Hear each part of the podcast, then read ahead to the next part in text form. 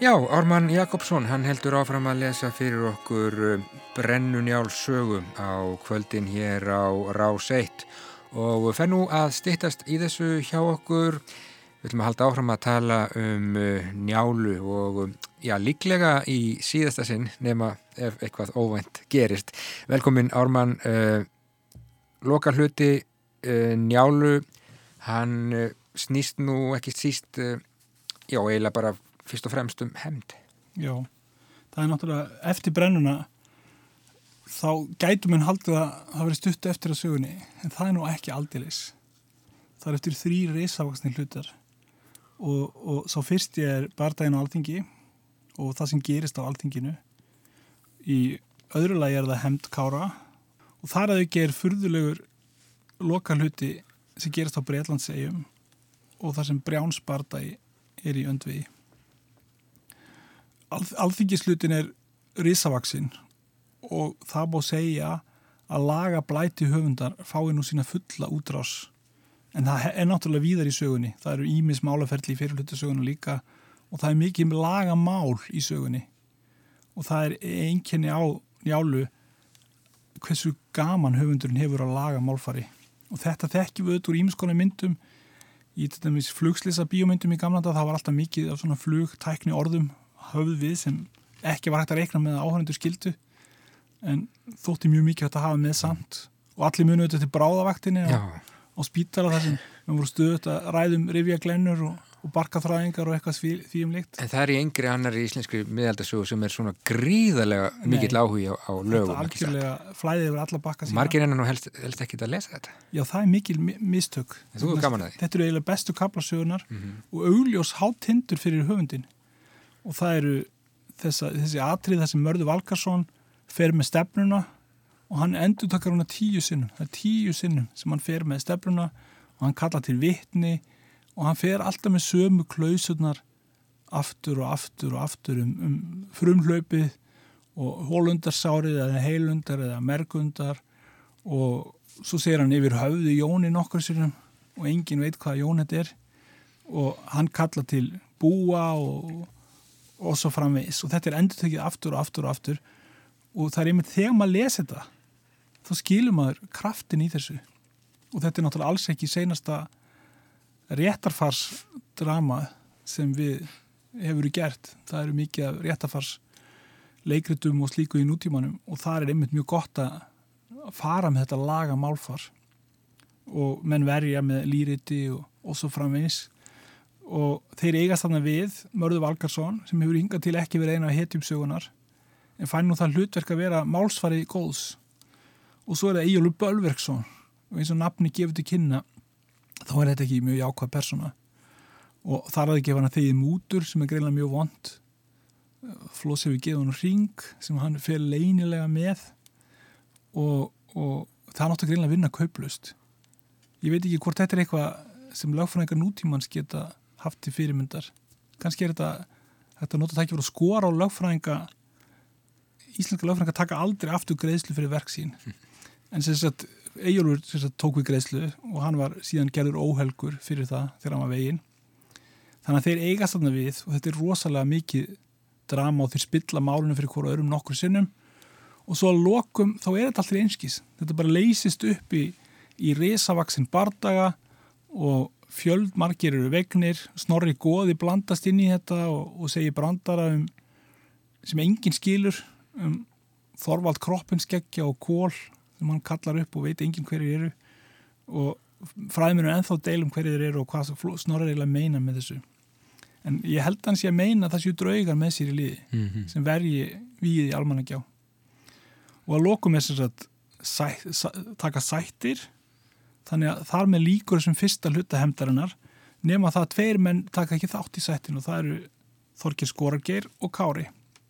Og þá hefst fyrri hemd Kára þar sem Þorkir Skorargeir er miðunum og þeir ná mörgum brennumönnum. Og eftir það er svona yngur líkar en að hafi fundist Þorkir of áberandi því að hann er nú artaki skarpins og hefur ert auksina og þannig að hann er, þeir sættast við hann en Kári heldur áfram smástund og hann fær nýjan fylgdarmann sem er Björn í mörg og hann er velþekkt típa úr gaman leikihefðinni hann raupsami hermaðurinn sem þykist vera ægilegur ægilegur húrakur en í raun og veru gerir hann aldrei neitt sérstatt og Björn í mörg er skemmtilega persóna. Konan hann setur hún svolítið stólinn fyrir dittnar og segir tröll hafið þitt skrum og hól. Það eru tvísfæri njálu sem tröllin eru ákvölduð Hallgerður segir líka tröll hafið þína vini. Þegar njáll er eitthvað að fara að tala um að fólki á bergskóli sé vinunars þannig að Björn verður kára til stuðnings. Og þetta er eiginlega eins og endurtekning. Fyrst var þetta hemd kára og hún var alvarleg og svo er hún endurtekinn sem gamansaga mm -hmm. aftur. Og þetta er, þetta er ef Njáli er yngre en lagstala þá er hann Njáli hundur er sennilega lært þetta á lagstala það er nákvæmlega eins. Það er hemd uh, kjart, eftir kjartana sem botler veginn og svo er hún eiginlega endurtekinn sem gamanleikur mm. þegar Helgi Harbensson er veginn. Sami struktúr. Já, sami struktúr nema skindir allt fyndið og, og gamansamt og endalust spög mm og þannig er þetta í þessum bjarnarhluta og svo er þessu líkur þessu lokum, lokum og uh, kári og lesendu geta brosa svolítið saman að bytni og þá skyndir að fara allir til útlanda. Við förum til útlanda þegar menn, menn dragast inn í mikla deilur á Breitlandsegjum og þær snúast ekki bara um valdabartu heldur um bara helvít og himnaríki. Njálega skyndir orðin eins og sagast Jón Kalman. Bara himnaríki og helvíti og menn sjá þarna einhverja fuggla frá helviti og ég veit ekki hvað aðna hver maður þessu atriði sér einhverja sínir þannig að skindilega breytis njála sem var rétt að fara strama fyrir nokkru mínútum í einhvern svona yfirnáttúrulega hryllingsmynd. Mm -hmm. og þeir eru allir með í bardagunum Kári og Flossi og menn hans og, en þetta skiptir einhver máli fyrir fléttuna. Njála og þetta er allt sem hann glemt í raun og veru. Og að lokum þegar Bjánsbarði er búin, þá er sagan eiginlega búin líka. Kári og Flossi fara heim og svo hittir Kári Flossa og þeir sættast og Kári giftist ekki höskuldar sem hann drap hann var með í að vegan og það skiptir engum málu lengur. Nei. og allir eru bara sáttir.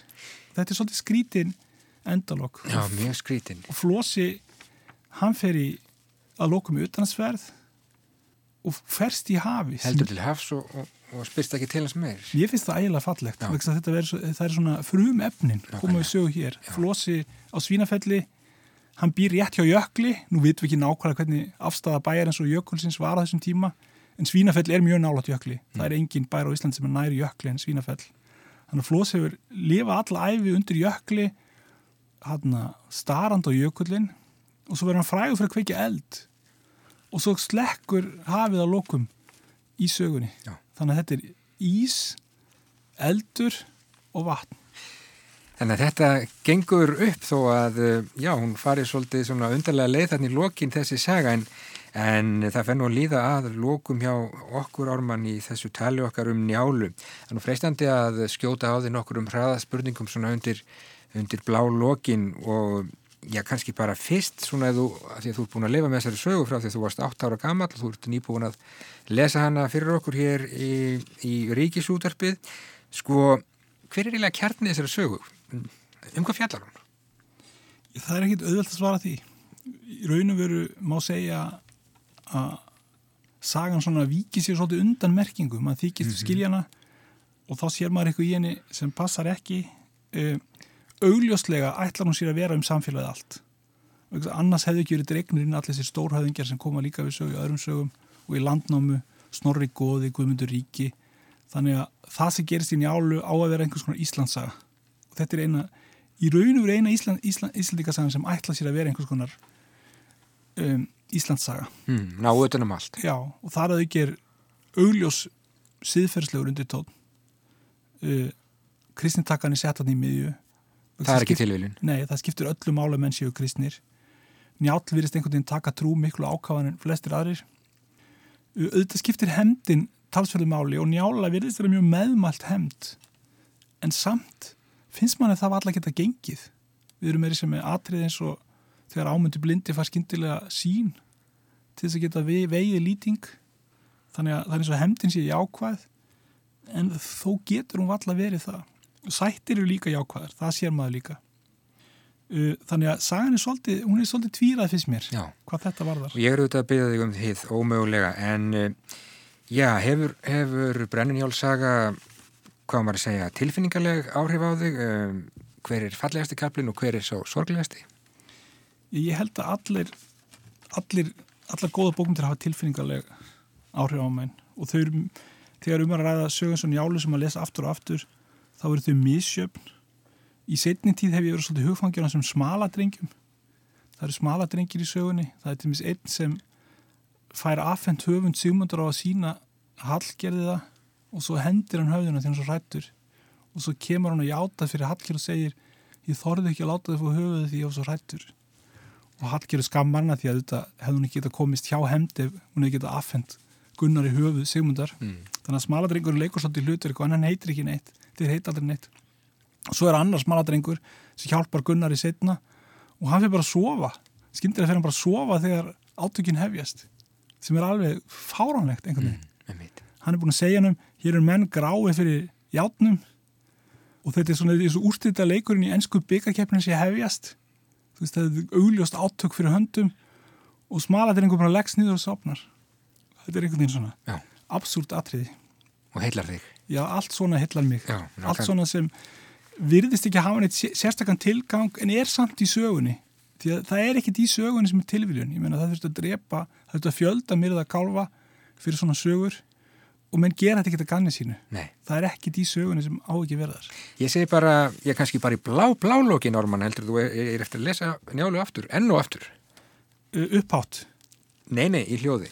ég var örglega eftir að lesa hana aftur en að lesa hana upphátt er því lít áttak að það er ekkit víst að ég ráði við það með vaksandi aldrei Sjáum hvað setjum við það, ég segi bara takk fyrir lesturinn Ármann eh, Jakobsson og takk fyrir að spjalla við mig hér á Ráseitt síðdeis í sumar. Takk þakkir